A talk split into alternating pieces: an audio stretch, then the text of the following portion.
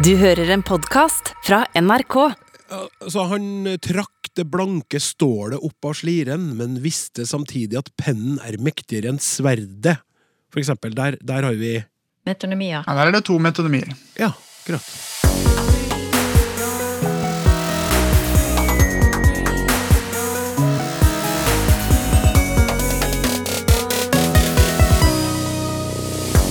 Syns du det er forskjell på en drapsmann og en drapsmann som er konvertitt til islam?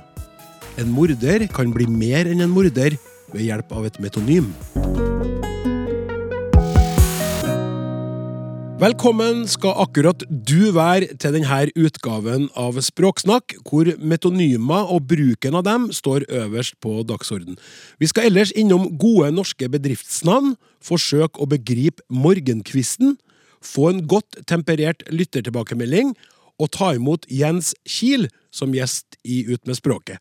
Han fikk nettopp ny jobb som kulturredaktør i Bergens Tidende, og gikk rett ut i permisjon for å skrive biografi om Liv Signe Navarsete. Men nå Tidligere i høst ble Kongsberg ramma av ei tragisk hendelse der en mann drepte fem mennesker. På den første pressekonferansen sa politiet noe som i ettertid fikk mange til å reagere. Hør på det her.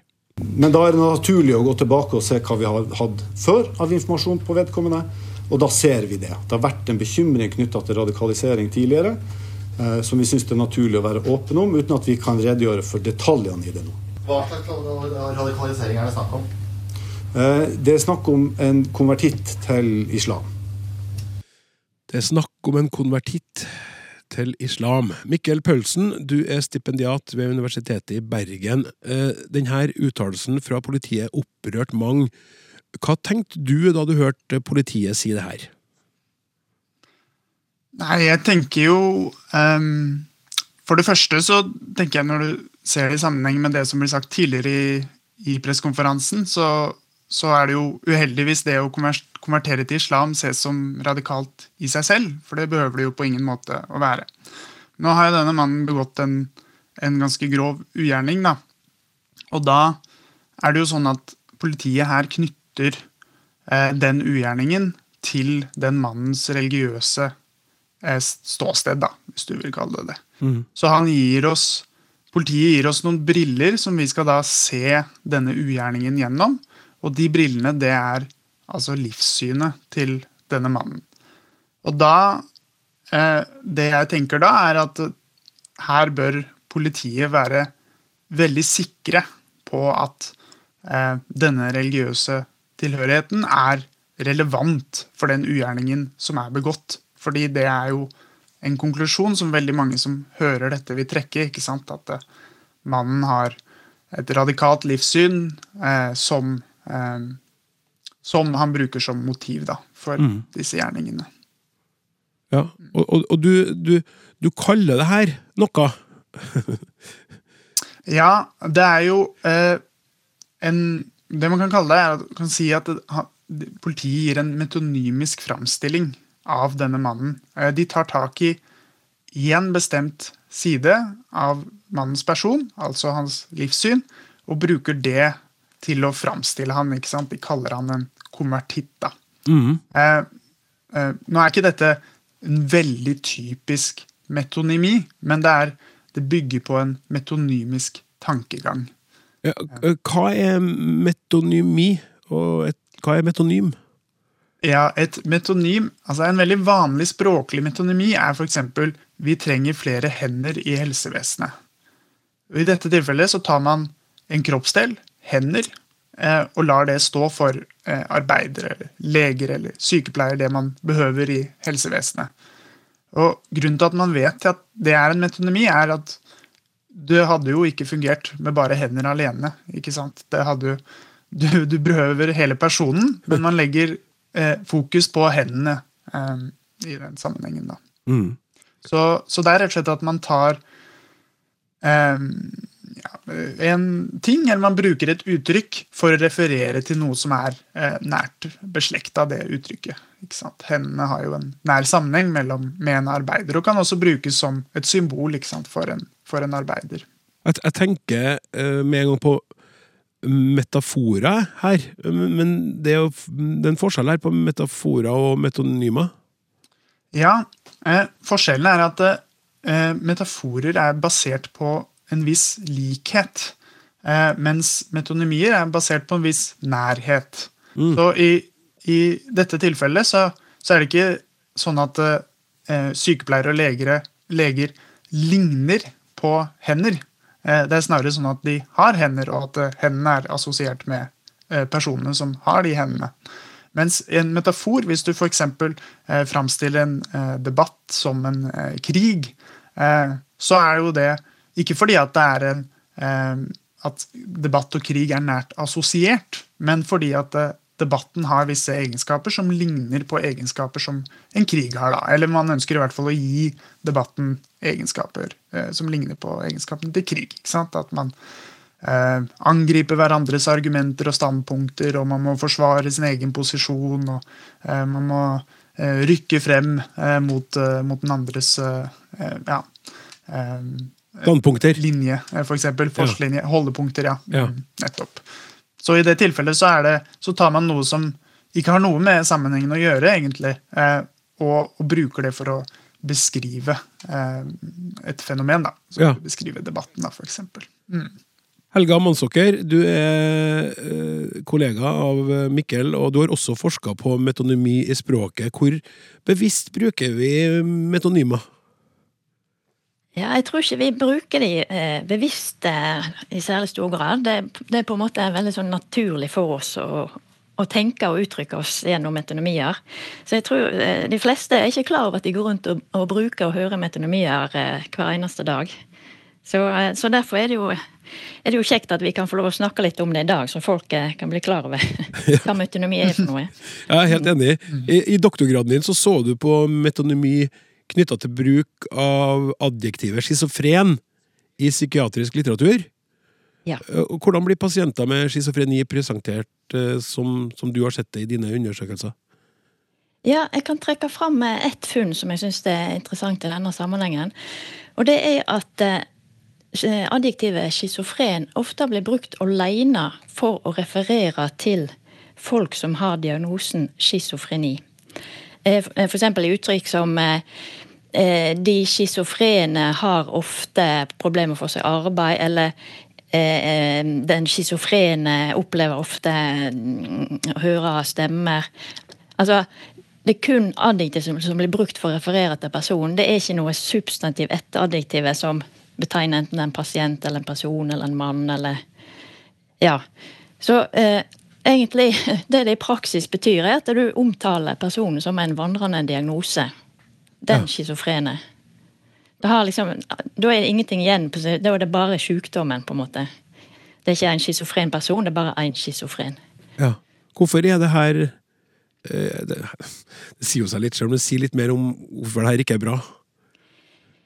Eh, Det er ikke noe i veien med konstruksjon som sådan, for vi bruker jo ofte adjektiv alene for å referere til eh, folk, sånn som de unge, eller de eldre, eller de skoleflinke, eller de musikalske. Det er det jo ingen som syns det er problematisk. Det er problematisk når vi bruker et adjektiv som betegner en stigmatisert, eh, et stigmatisert fenomen, som jo dessverre psykiatriske diagnoser er. Det er da det er problematisk. Mikkel, du har jo sett på hvordan tidligere Frp-leder Siv Jensen og hennes partifelle Jon Helgheim har brukt metonymi retorisk i kronikker. Mm.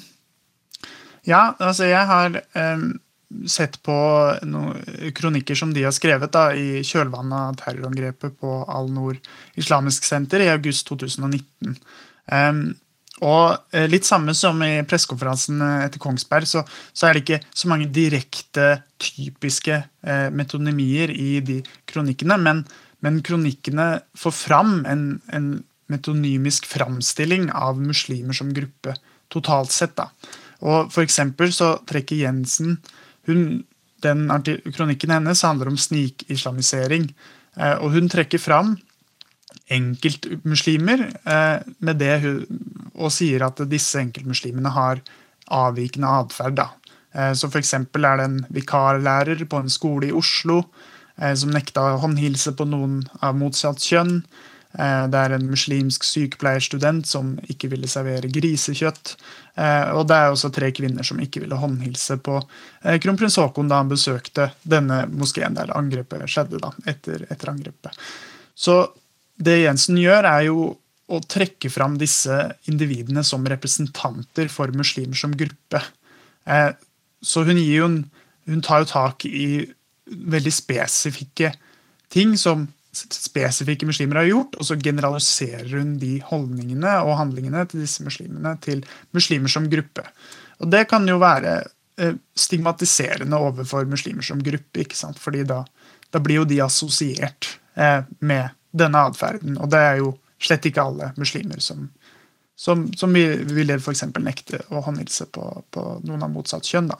Ja, men her, eh, her, kan man jo, altså, du, man, her kan man jo gå ut ifra at det metonymiske grepet blir brukt eh, bevisst. da, Det skiller seg vel fra eh, det som politiet sa ja. på pressekonferansen, kanskje?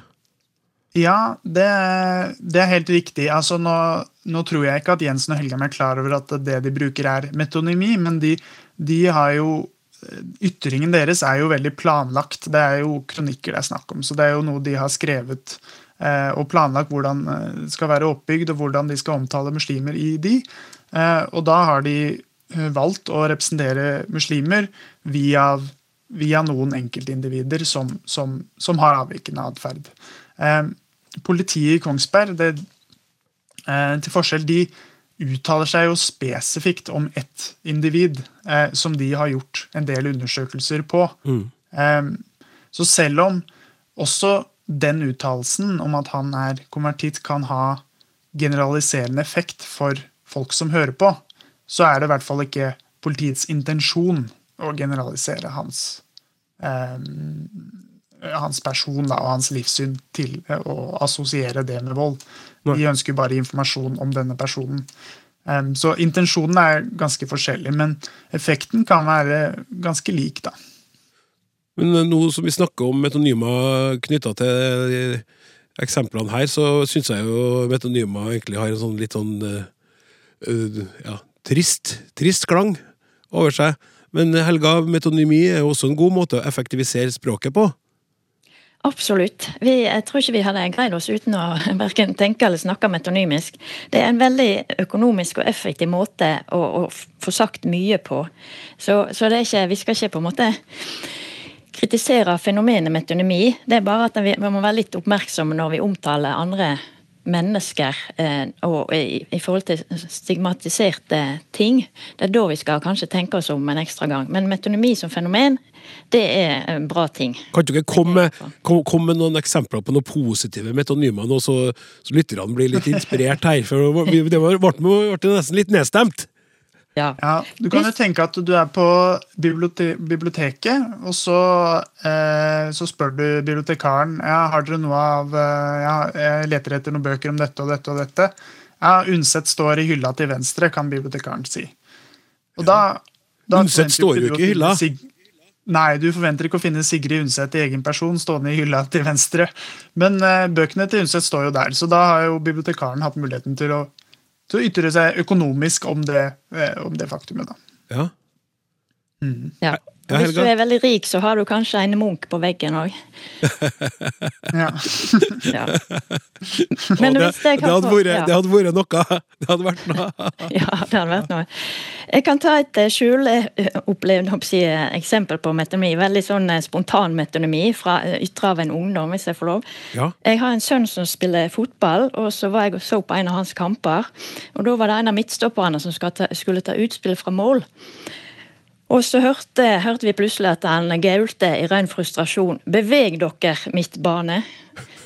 Og, og det er jo litt sånn her, Midtbanen kan jo ikke bevege seg noen plass, men det han mente, var jo selvfølgelig midtbanespillere måtte begynne å bevege seg. så han kunne på en måte... Og alle, alle midtbanespillerne! Hele midtbanen måtte begynne å ta seg sammen. Ja, men sant, i kampens hete bokstavelig talt så kan ikke du bruke liksom, bevege dere Per Christian og Olaf og Jens. Eh, så midtbane var jo vel Alle skjønte hva han mente, og ja, det var en veldig effektiv måte å kommunisere på. Ja, og, og morsomme humor og metonymi da, en Eh, Har vi noe Jo, altså, by på der? det er jo faktisk sånn at mye humor og vitser er basert på metonymi. Altså, jeg har et eksempel. Jeg kan ikke love at det er en veldig morsom vits, men den er i hvert fall basert på metonymi.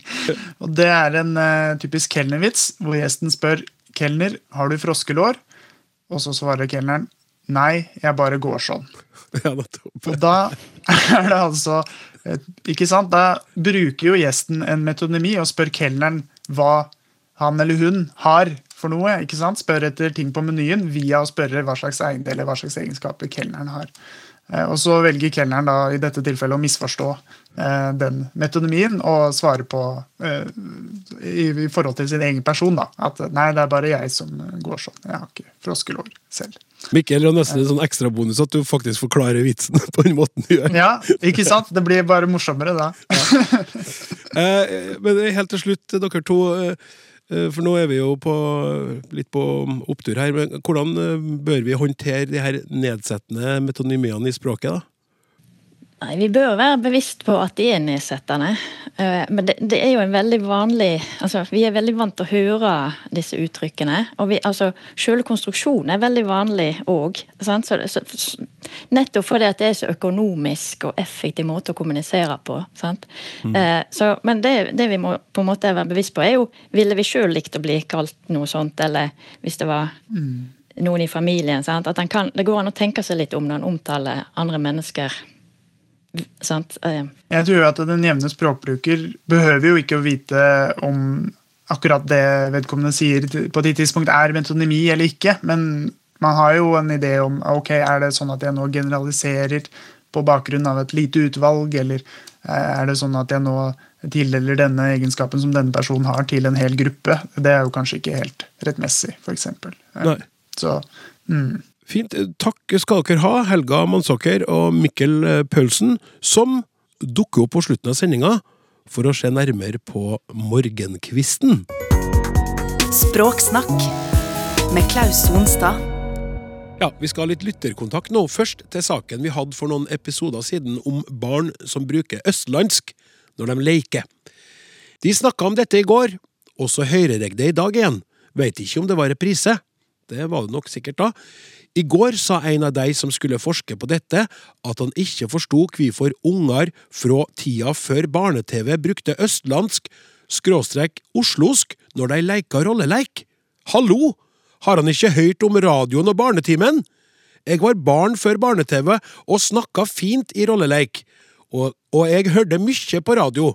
Den sto ofte på. Det var mye pent østnorsk å lære. Helsing Ålaug Rosseland. Bra poeng, Ålaug. Radio var populært før, og er heldigvis populært fortsatt i dag. Så til en e-post fra en lytter som skriver om en e-post fra en annen lytter. Begge har sendt sine innspill til snakk krøllalfa.nrk.no. Hørte dere i dag den 7. november mens jeg satt i bil. Fikk ikke helt med meg hva Arne Svartis står for av utydelig uttalelse.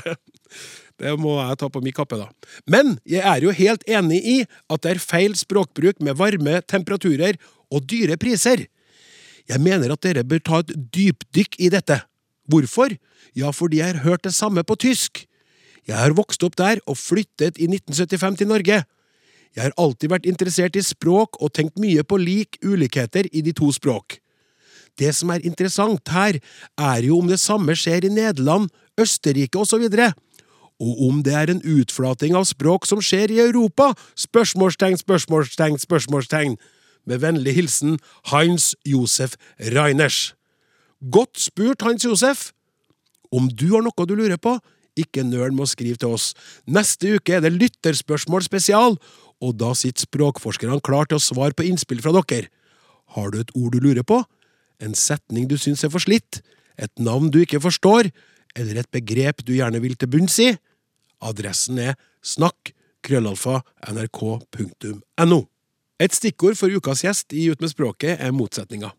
Han er oppvokst i Ullevål Hageby på hovedstadens vestkant, sosialist og ateist og medlem av ei bibelgruppe, gikk inn i Noregs Mållag mens han gikk på Oslo katedralskole, og slutta i Klassekampen for å begynne som kommentator i Bergens Tidende.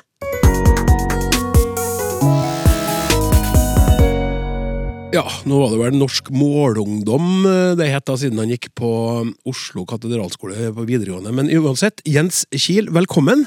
Å, hjertens takk. Hallo. hallo, hallo. Ja, og også vært nestleder i Mållaget. Ja, ja, ja. Så du er ikke helt på sykkeltur her, altså? Nei. Eh, du, det er så mye som eh, jeg vil snakke med deg om, eh, men vi må begynne med ei bok du ga ut for noen år siden som eh, imponerte meg veldig, det prosjektet ditt der. Dette er også Noreg, med undertittelen Kommunal feelgood. Ja. Altså, det prosjektet, det var rett og slett å besøke alle kommuner i Norge, da det fremdeles var 428, nå er det jo litt færre, og skrive en bok om på en måte, ja, hva, hva er det egentlig vi har kommunene til, og hvorfor er de så viktige i livene våre? Liksom Lage litt gull av det kommunegrå hverdagslivet der ute. Så det blei jo litt av flis av ei bok, 140 sider eller noe. Så han som var eh, manus, eh, altså redaktøren min, sa at han aldri hadde sett noen gjøre så mye research på så lita bok. For du, du drev jo med det her i flere år, og du besøkte alle kommunene. Ja. Jeg sparte en av de beste til slutt. Tingvoll på Nordmøre. Vanvittig fin plass og veldig flinke med ost. Ehm, Så, men det var jo et Altså det er jo et helt sinnssykt prosjekt, egentlig. Eh, Men samtidig så er det et eller annet med at når du kommer fra Oslo da, og sier sånn Oi, oi, oi, det er jo helt utrolig vanskelig å besøke Utsira eller Træna, for du liksom Tar du ferja ut den ene dagen, så må du omtrent vente til neste for å komme tilbake igjen. Men så bor det masse folk der som det er dette de gjør for å komme til fastlandet og tilbake til eh, plassen de lever. Eh, Så det var ganske eh, lærerikt, tror jeg, mot et litt sånn ja, god medisin mot ensidig Oslo-blikk på verden. Ja, jeg har gjort et lignende prosjekt i min TV-programlederkarriere, og opplevd ekstremt stor glede av å reise dit folk også bor, og møte mennesker der. Så jeg skjønner den eh, gleden du måtte ha. Jeg har ikke jeg har besøkt noen få steder, jeg har ikke vært Altså, jeg kan ikke komme over at du faktisk rakk å besøke alle kommunene. Eh, Altså, Jeg vil bare nevne her raskt at kongen har fremdeles en 2030 igjen. Og han har jo på en måte som fulltidsjobb å besøke kommuner og si hei. Eh, så jeg slo han. ja, akkurat det. Ja. Og så er det jo i sammenheng med den boka så er det et sånt fint sitat av Ivar Aasen. En kjem ikke Nei. En finner ikke noe før en kjem der det er. Ja. Mm. Det er jo et veldig Det er et fint uh, uttrykk, og uh, jeg tror det var veldig sant for min del, da. At de tinga som jeg ville lære om, de kunne jeg bare lære om ved å reise dit. Altså at en, Å ta en telefon gir liksom ikke den samme eh, journalistiske opplevelsen. Mm. Så det var veldig Jeg tror det er rett og slett ganske ganske bra. Eh, og, og jeg er veldig stolt over at jeg prioriterte det, fordi hvis du skal besøke alle kommunene i Norge, så må du egentlig bestemme deg for at alle, absolutt alle penga jeg har til overs, må gå til det prosjektet i livet, ikke sant? Fordi det er jo, det er jo høykostland vi lever i. Eh, Men eh, nei, det vil jeg jo sikkert være glad for for bestandig. Eh, Og så er det jo utrolig flaks da, når man først bestemmer seg for noe sånt, å bo i et fint land. Altså, tenk deg Danmark. Eh, Sånn, det heter sånn, sikkert noen Sødder Dondre eller et eller annet, og så er det sånn ja, flatt her også. Okay. Sødder Dondre, Flat. Ja. Flat! Check. Ja. Og så um, Jyskebukt sør, og så er det sånn ja, det var litt syd sikkert, da. Flatt her òg. Ja. Ja. Nei, det er annerledes i Norge. Du, det her eh, prosjektet springer ut fra Det er jo journalistikk. ja. Ja, og, og du, du ville jo Du var tidlig interessert i journalistikk. Ja, det har jeg drømt om å bli hele livet. Eh, Da jeg var sju, altså, da lærte jeg å skrive, eller jeg var vel seks da jeg lærte å skrive. Mm. Og eh, altså Jeg begynte i barnehagen da jeg var fire måneder, og gikk til jeg var sju år og fire måneder. Så jeg har sikkert norgesrekord i barnehage. Et ekte barn av staten. Men der lærte jeg å skrive, da. Og så, eh, på, fra og med første klasse, så det jeg dreiv med, var å lage aviser. Ja, du ga ut, du ga ut skoleavisa? Ja, forskjellig. Blekka, Ullevål Times. Vi hadde en egen i korpset som het Under korpslua. Den levde ganske lenge. En som het Briljant, fordi alle i redaksjonen var, hadde briller. Så du kan tenke deg hvor kule vi var. Ja. eh, jeg var helt sånn Dette er det jeg drømmer om. Eh, Men vet du, vet du, vet du hvorfor? Eller har du tenkt på det? Hvorfor? Jeg tenker vel at, altså, at jeg så veldig opp til journalister. At jeg tenkte at det de gjør, er viktig. Jeg tror jeg på en måte skjønte det ganske tidlig, at de har en viktig plass i samfunnet vårt. Eh, og så syns jeg jo Altså det er jo et eller annet med det at du, du starter bare ut og, og, og elsker norskfaget og elsker å skrive og eh, Ja, det føles veldig sant? Når du er liten, så kanskje du ser på journalister som en slags sånn detektiver. Eller, det er jo litt spennende med det. Eh, og så blei det bare den veien. Uh, men jeg turte ikke å studere journalistikk, fordi jeg tenkte at det er, det er overmennesker som driver med det. Og så veit jo sikkert du, sånn, eh, som jeg etter hvert har skjønt, at sånn mange, mange hverdager i journalistikken nå Ja. Det er det. Det er mange hverdager, og, eh, og man, skal, man skal jobbe for å holde på drivkrafta. Men du ble journalist, og du eh, Men før, før vi går dit, da, så tenkte jeg eh, det med, med, med nynorsk, nynorsken som kom inn i livet ditt. Mm. For nå er du jo du en, en nynorskskrivende person. Ja. Pasjonert sådan. ja. Jeg tror vi kan si målmann.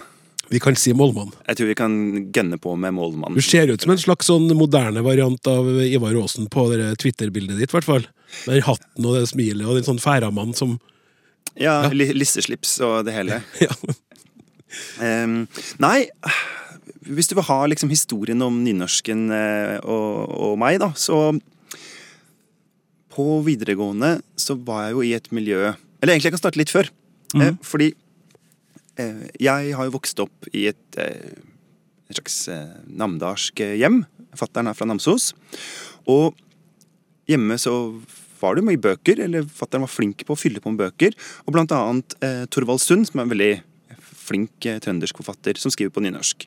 Og så husker jeg en gang at vi skulle, vi skulle velge en bok, og det var sånn, så, sånn teit krav som det er i norsken, sånn må være minst 100 sider, for at ingen skal ta med seg en Donald Pocket, eller ja. Og så eh, spurte jeg læreren, du, eh, jeg har en bok som heter eh, Gutten som sang så stygt, og den, er, den mangler liksom fire sider for å være lang nok, eller et eller annet sånt. Og så ser han på boka, så ser han at den er på nynorsk, og så får han helt sånn der hjelpes. Altså, hva er det jeg har fått en elev i Oslo-skolen som vil frivillig lese en nynorsk bok? Han var sånn, ok, hvis du kommer gjennom den her, så skal jeg bære deg på gullstol i den skolegården omtrent, ikke sant? eh, men for meg, og jeg syns det var veldig rart, for jeg ville bare lese boka og likte, syntes det var morsomme historier og, og sånn. Og så eh, tenkte jeg at ja, så jeg har jo aldri hatt noen sånne fordommer mot nynorsk. Nei. Ja, og har jo vært, syns jo at det er bra med dialektmangfold. eh, Og jeg har familie, ikke i på en måte egen slekt, men inngifta, som er samisk, nordsamisk eh, familie. Mye fettere og kusiner i Karasjok og rundt forbi. Og det er jo veldig eh, Vi er jo et språkmangfoldig land, ikke sant? Og det har jeg alltid vokst opp med at det er en verdi. Um, og så på videregående så dreiv Unge Høyre veldig mye med de her eh, La dem raute nynorsk, bare vi slipper, og Ja. nynorsk suger, sidemål suger. Og det var, jeg liksom, synes jeg var helt idiotisk. Så da en venn av meg spurte om hun kunne verve meg til Målungdommen, så tenkte jeg at ja, jeg kan jo godt betale 70 kroner i året, eller hva det kosta, å være medlem der. Og så balla det egentlig bare på seg. Plutselig var jeg blitt leder i Norsk Målungdom og eh, nestleder i Norges Mållag og ja, i det hele tatt. Ja. Du, er veldig opptatt av det språklige mangfoldet, mer enn av rettskrivinga. Ja, ja, ja. ja. Og jeg er veldig sånn når folk spør meg om dette med, med, med nynorsk, og sier å, jeg er ikke så god i nynorsk. Sier jeg, men det er jo bedre med å prøve seg med dårlig nynorsk enn godt bokmål. Altså, for hvis vi skal være livredde for å ikke gjøre ting perfekt første gangen, så kommer folk aldri til å tørre å prøve seg. Ikke sant? Og hvorfor, hvorfor tror du at folk er så At mange har så mye mot det? Eh, at, at, at, nynorsken sitter så langt inn hos så mange? Altså En del handler nok sikkert om at de har hatt eh, kjedelig sidemålsopplæring hvis de har hatt nynorsk som sidemål. Eh, og det er jo altså sånn som at veldig mange ikke liker teoretisk matte, for det ofte var kjedelig. Ikke sant? Eh, eller ikke like, likte gym hvis de selv ble plukka ut sist. Ikke sant? Og, og hadde en gymlærer som var liksom, kjip i måten man eh, at, at, man liksom, at man lar de, de to flinkeste elevene plukke ut lagene. Sånn at man hver gang får vist fram hvem er de dårligste. Så jeg tror noe handler om, om rett og slett eh, for dårlig opplæring.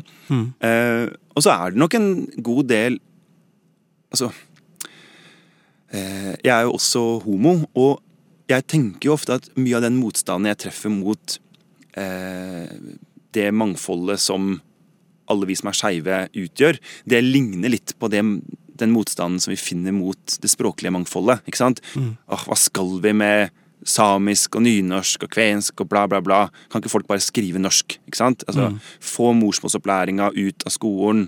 Eh, Folk må skrive norsk. Og det er sånn her og her og sånn Herregud, hvorfor må de absolutt gifte seg? Holder ikke at de får lov til å være til, liksom, disse skeivingene. Ja. Og det Jeg tenker at jeg kjenner igjen mye av den samme motstanden, da. Og at eh, mangfold og flere måter å tenke på det, og liksom åpne seg for at andre måter å være på kan være ok, det river og sliter en del mennesker. Um, Ja. og det kan man ikke bare møte med morsom eh, eh, og mer variert sidemålsopplæring. Det må man også møte med liksom, i brei front med at vi må, vi må heie fram mangfoldet, da. ja. På, på alle, alle steder.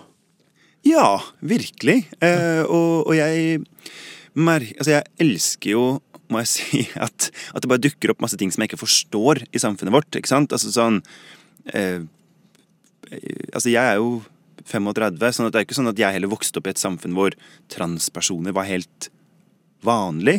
Ikke sant? Eh, I det offentlige rom. Og det å prøve å skjønne hva er dette, og hvordan kan vi forstå det, og eh, sånn. Super, supergøy. Ja. Ja, syns jeg, da. ja. Eh, du, eh, du ble journalist, og du, du begynte i Klassekampen. Ja, Jobba der i mange år og fikk pris for nynorsken din. Også. ja Av Kulturdepartementet. Det er jo litt stas, da. Du- Litt stas, hallo! Jeg ble journalist sjøl, jeg. Uh, Jobb med å velge nynorsken og skrive så godt at du får pris. Og ja, nei, det, det er veldig stas. Ja, og det er jo veldig Altså, det å komme fra Fra Oslo, fra litt sånn eh, under middels eh, økonomiske kår, får jeg si, i Oslo indre øst, og så kline til med en sånn pris, Ja. det er veldig stas. Ja. Og veldig eh, Jeg husker at de ringte fra juryen. Jeg fikk totalt sjokk.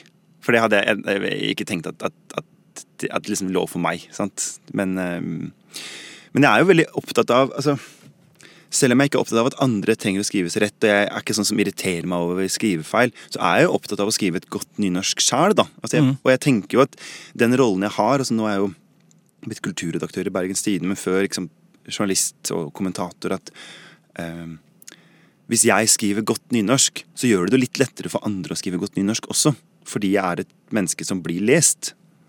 Ja, det er sant, men du må jo også underveis mens du skriver nynorsken, ta plass med nynorsken og kreve eh, at, at Altså, du, du jobber sikkert uh, som journalist med andre innimellom som skriver på bokmål.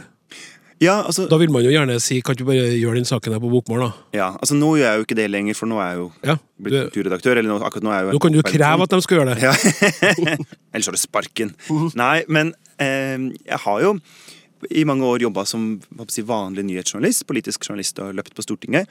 Og det å bestemme seg for at jeg skal være han vrange som sier at selv om både du og jeg kan skrive bokmål sammen, og det er det raskeste og enkleste, så kan det ikke være sånn at ditt språk vinner over mitt hver gang, bare fordi at mitt er litt mindre. Fordi i liksom storsamfunnet, fordi i møtet mellom oss, så er det faktisk 1-1.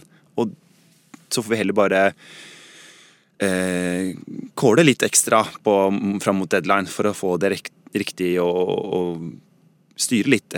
Og sånn. Men, eh, men det er jeg litt sånn stolt over at jeg har turt mer og mer. Da, og jeg har prøvd å være litt ambassadør for at vi som er journalister, skal gidde det. Mm. Vi som er nynorskjournalister. Fordi ellers blir det jo på en måte enda mindre nynorsk enn antallet vi er, skulle tilsi. Ja. Ja. Også eh, politisk eh, på venstresida, jobber i Klassekampen. Drar til Bergen og bli politisk kommentator i Bergens Tidende. Borgerpressa, vet du. Borgerpressa over fjellet til en by som er som et eget land i landet. Altså, det her eh, Det er jo en bystat. Litt sånn, sånn, som sånn Venezia eller eh, Dubrovnik eller sånn. Og det Nei, jeg tok et valg da jeg flytta hit, om at eh, jeg tenkte som kommentator i Bergens Tidende, så må du Enten så må du liksom elske Bergen 100% eller så må du være en sånn fyr som liksom står på utsida og betrakter med et blikk. Men det å på en måte eh, Det å være kommentator i BT og litt elsker Bergen, det tror jeg er som å være litt gravid. Altså, det bare går ikke. Nei, det går ikke. Så eh, jeg elsker Bergen av eh, valg. Ja. Ja. Jeg slo til fra dag én og bestemte meg for det. Men eh, det er jo ikke sant? Vi har jo en, em, en borgerlig formålsparagraf, og den styrer jo hva vi mener på lederplass, men resten av journalistikken er jo fri, og jeg mener jo masse sånn Skattene må opp, og klimagassutslippene må ned, og tjo og hei, så jeg får jo mene alt som jeg vil, da, i, i spaltene. ja. Ja. Eh, må jo ha gått eh, bra. Eh, altså, må, eh, eh, Bergens Tidende og Adresseavisen i Trondheim har jo samarbeida masse. Ja. Eh, som aviser, Det er jo sånne sterke region, regionaviser som har en som folk er veldig opptatt av. Så jeg tenker at når du har klart, eh, med, med den eh, bakgrunnen din, å, å reise over fjellet og begynne som politisk kommentator og faktisk gjøre det så bra at du blir tilbudt rollen som kulturredaktør, så må jo bergenserne ha Sa du rollen eller tronen nå? Jeg, sa, jeg sa rollen. Ok, greit. Litt sånn, nå, må vi, nå må vi roe oss helt ned her. Ja, du må roe deg sjøl ned, det tror jeg. Ja, faktisk sant. Ja, det så- det det, det- er viktigst her. Ja, det, det, da må du ha gjort noe riktig på veien, da. Ja, men ikke sant Jeg ser også på BT som en motkulturell avis, og det er sikkert litt sånn rart uttrykk å bruke om en avis som på en måte har representert det borgerlige blikket i 155 år, eller hva det er for noe. Men jeg tenker jo at eh, BT er jo den største avisa utafor Oslo i Norge. Og er jo en av de største redaksjonene utafor NRK. Kanskje den største, som, eh, som på en måte ikke bare åpner for nynorsk, men som aktivt velger å fremme nynorsk, altså ha, ha mye nynorsk i spaltene.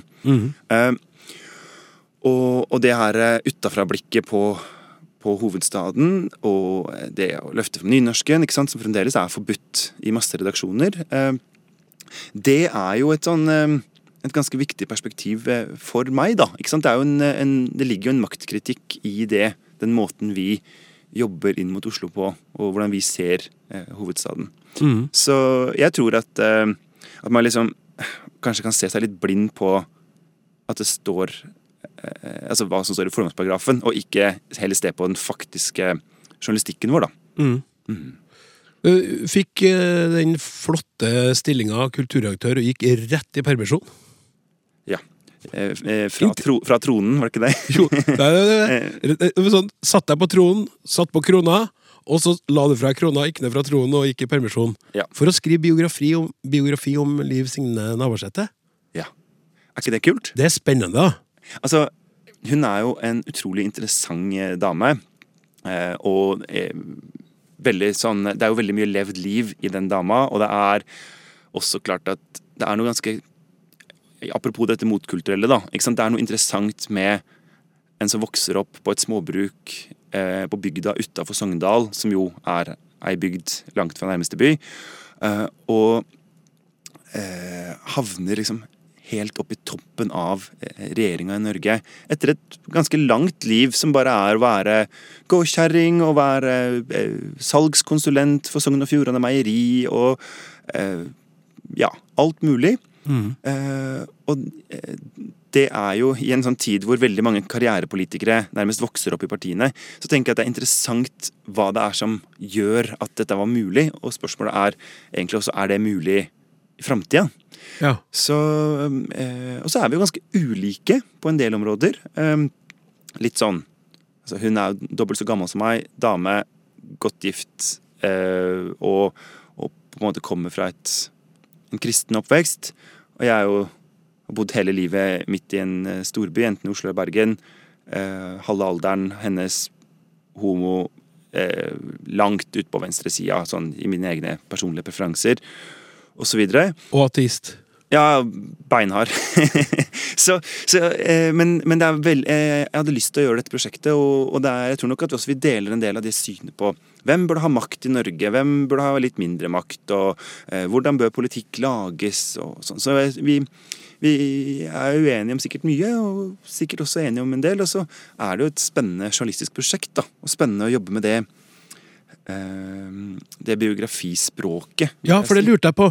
Eh, eh, Hvordan, hva, hva har du Jeg har kommet i den alderen nå at jeg har blitt veldig interessert i biografier. Ja. Eh, og, og har du tatt noe valg der?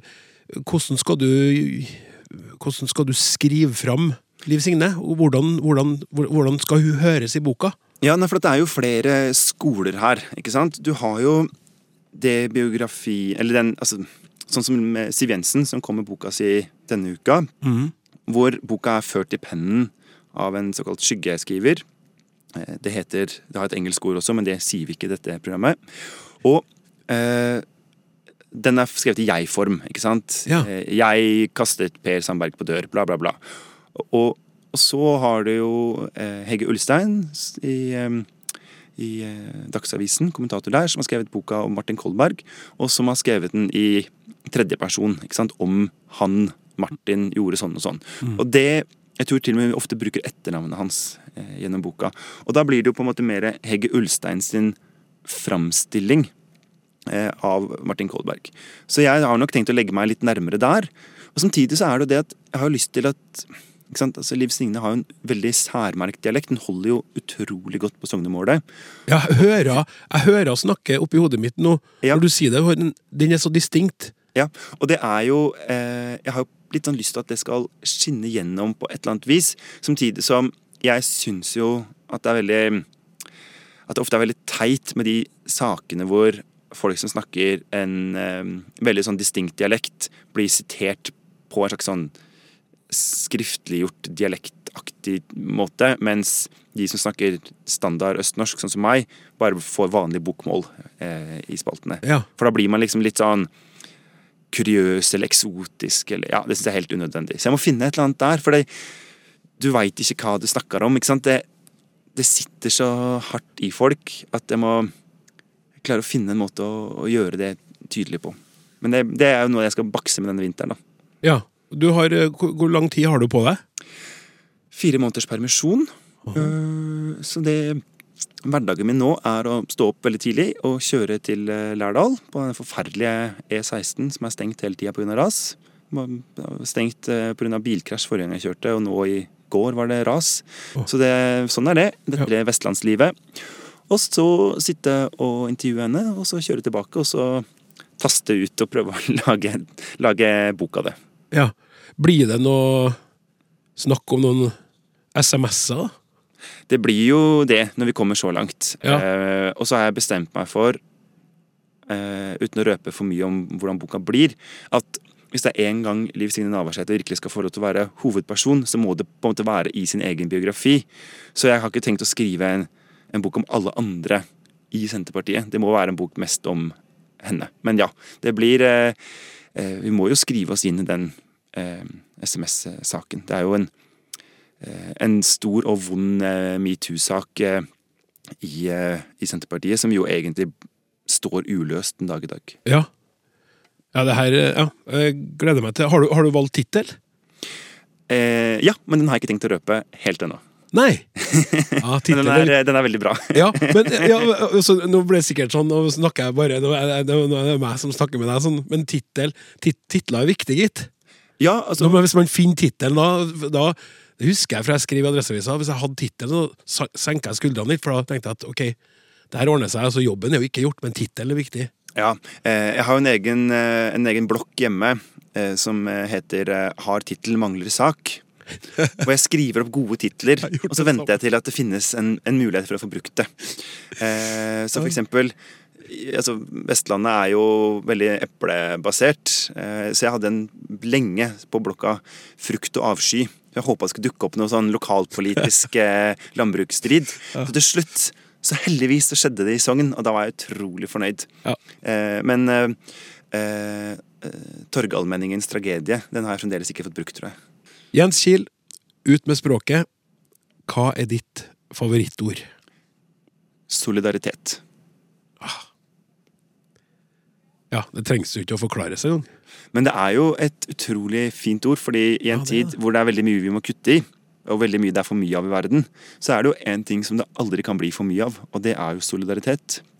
Og som eh, fagforeningsmann og eh, en som er ganske klimainteressert, så kjenner jeg jo at eh, det å klare å ha en tanke også for de menneskene vi ikke vet hvem er og aldri kommer til å møte, men som likevel fortjener å ha det bra. Eh, og for de dyra som går rundt på kloden vår, og ja, det, det kjennes veldig fint, og det ordet synes jeg rommer så mye. Eh, I tillegg til at eh, det selvfølgelig også er navnet på fagforeninga som endte kommunismen i Øst-Europa. Og det museet i Gdansk i Polen er et helt utrolig sterkt museum, som jeg kan anbefale på det absolutt varmeste. Tusen hjertelig takk skal du ha. og Lykke til med biografiprosjektet. Tusen takk. Ha det godt. Ha det. Hør flere episoder av Språksnakk i appen NRK Radio. Den 1. november åpna den nye helseinkubatoren ved Universitetet i Bergen, og den heter faktisk ikke Bergen Health Incubator. Universitetet i Bergen ville tvert imot unngå å ende opp med et engelskklingende navn.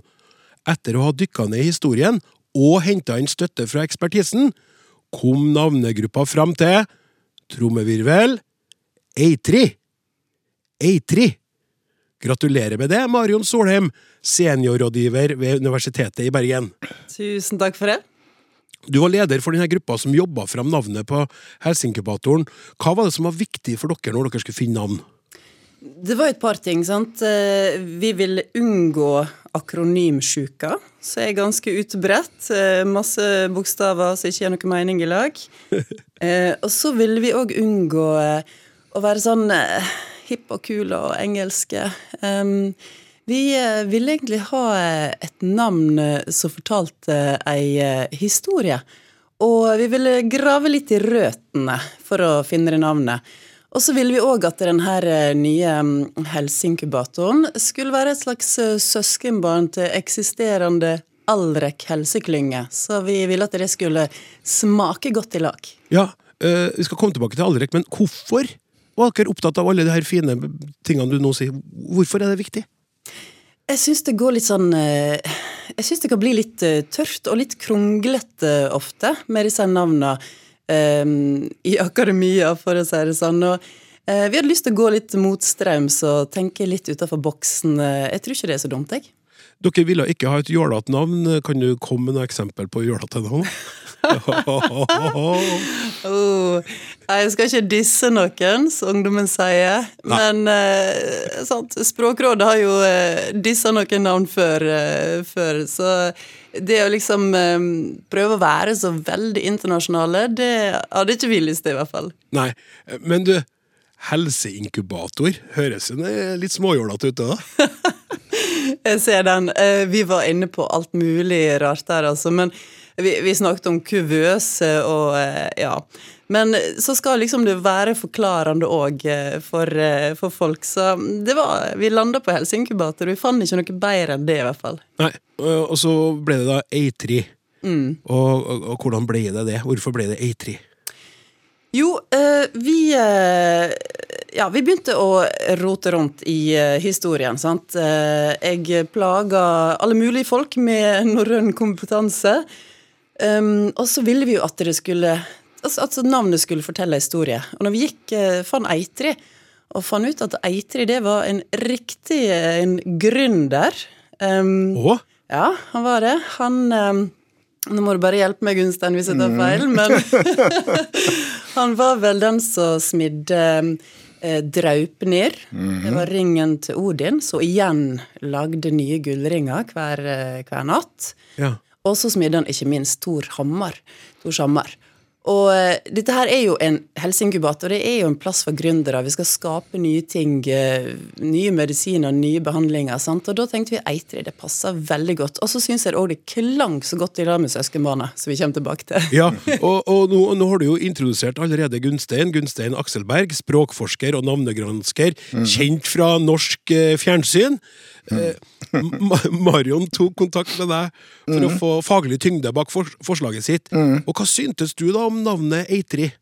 Nei, jeg syns det var kjempefint, jeg. Eh, fordi at eh, det er jo ikke slik at inkubator bare er et jålenavn.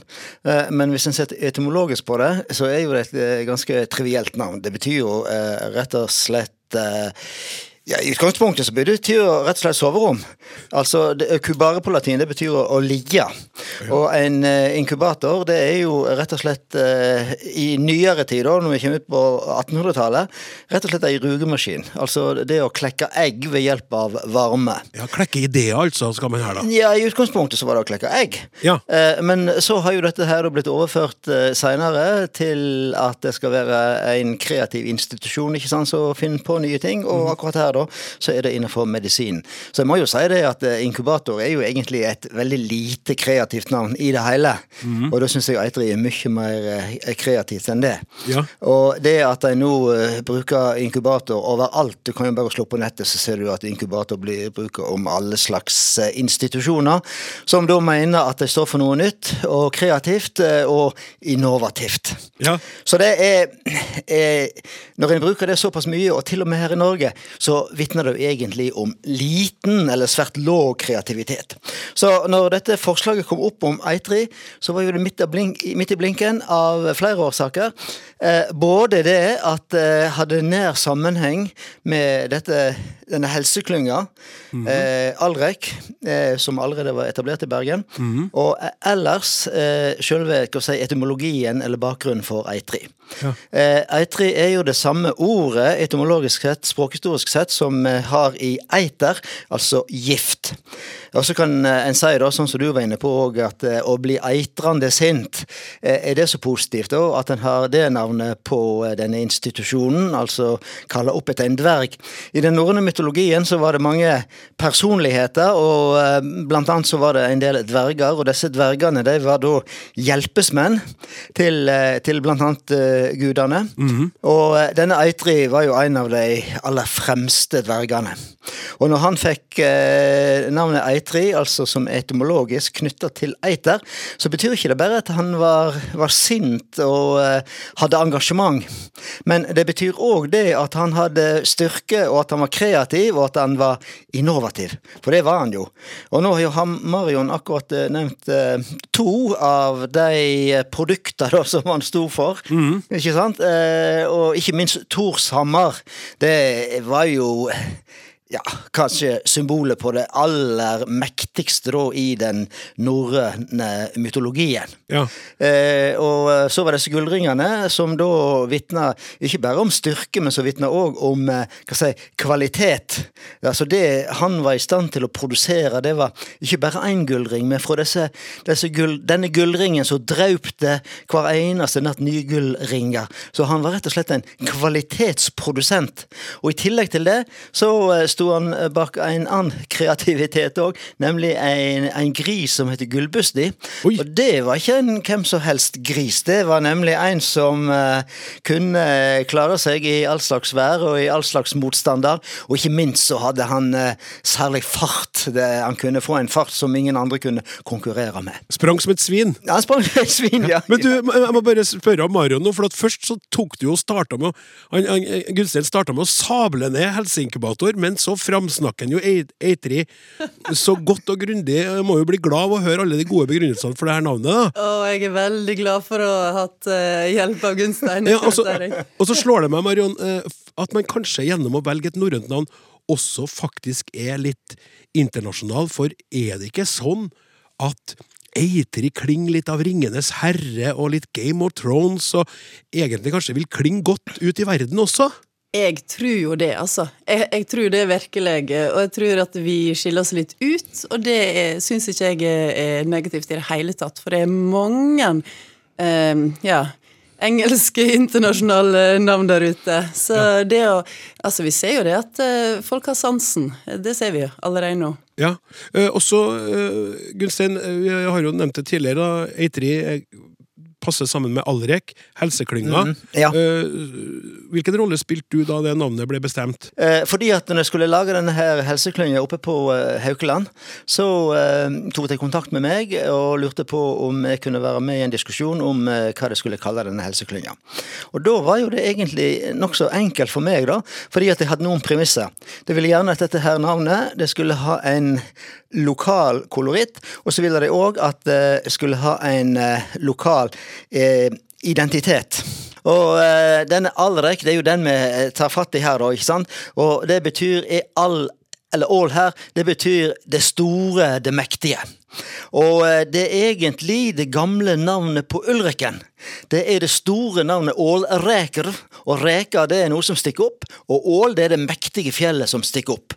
Og ved det, dette mektige fjellet, og det er jo fremdeles stort og mektig, og det er veldig tydelig når en da reiser langs sjøleia, så ser en Ulriken lang vei, og det er veldig karakteristisk. Om vi ser på gamle bilder òg, så er Ulriken veldig flott tegna inn der.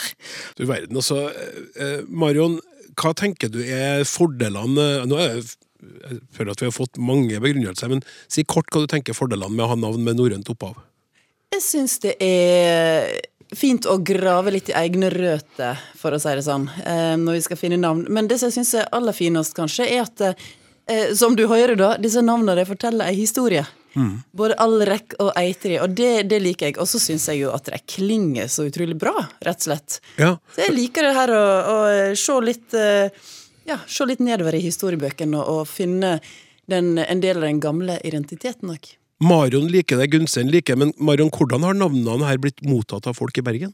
Folk i Bergen, jeg tror jeg har bare hørt eh, positive ting, men det er klart at eh, eh, Altså, vi, vi trør jo litt litt nytt vann.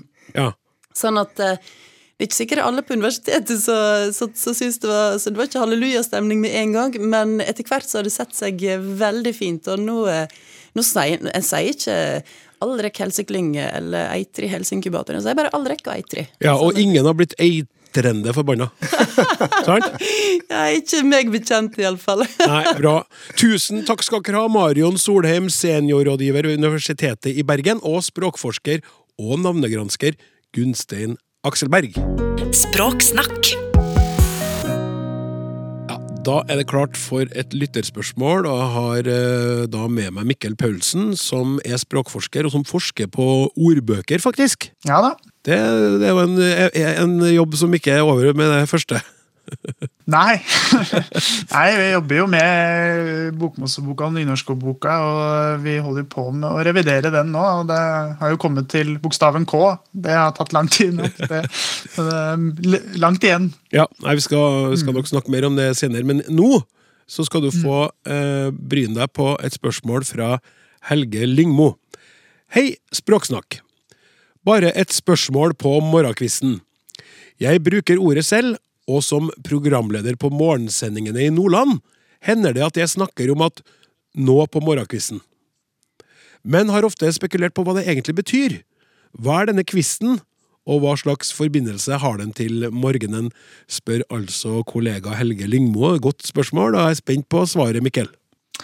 Ja, altså Det er litt eh, kjedelige det her er at vi vet ikke helt sikkert. Men vi har en god teori, og det er at eh, morgenkvisten det er rett og slett en kvist som en skogsfugl sitter på om morgenen.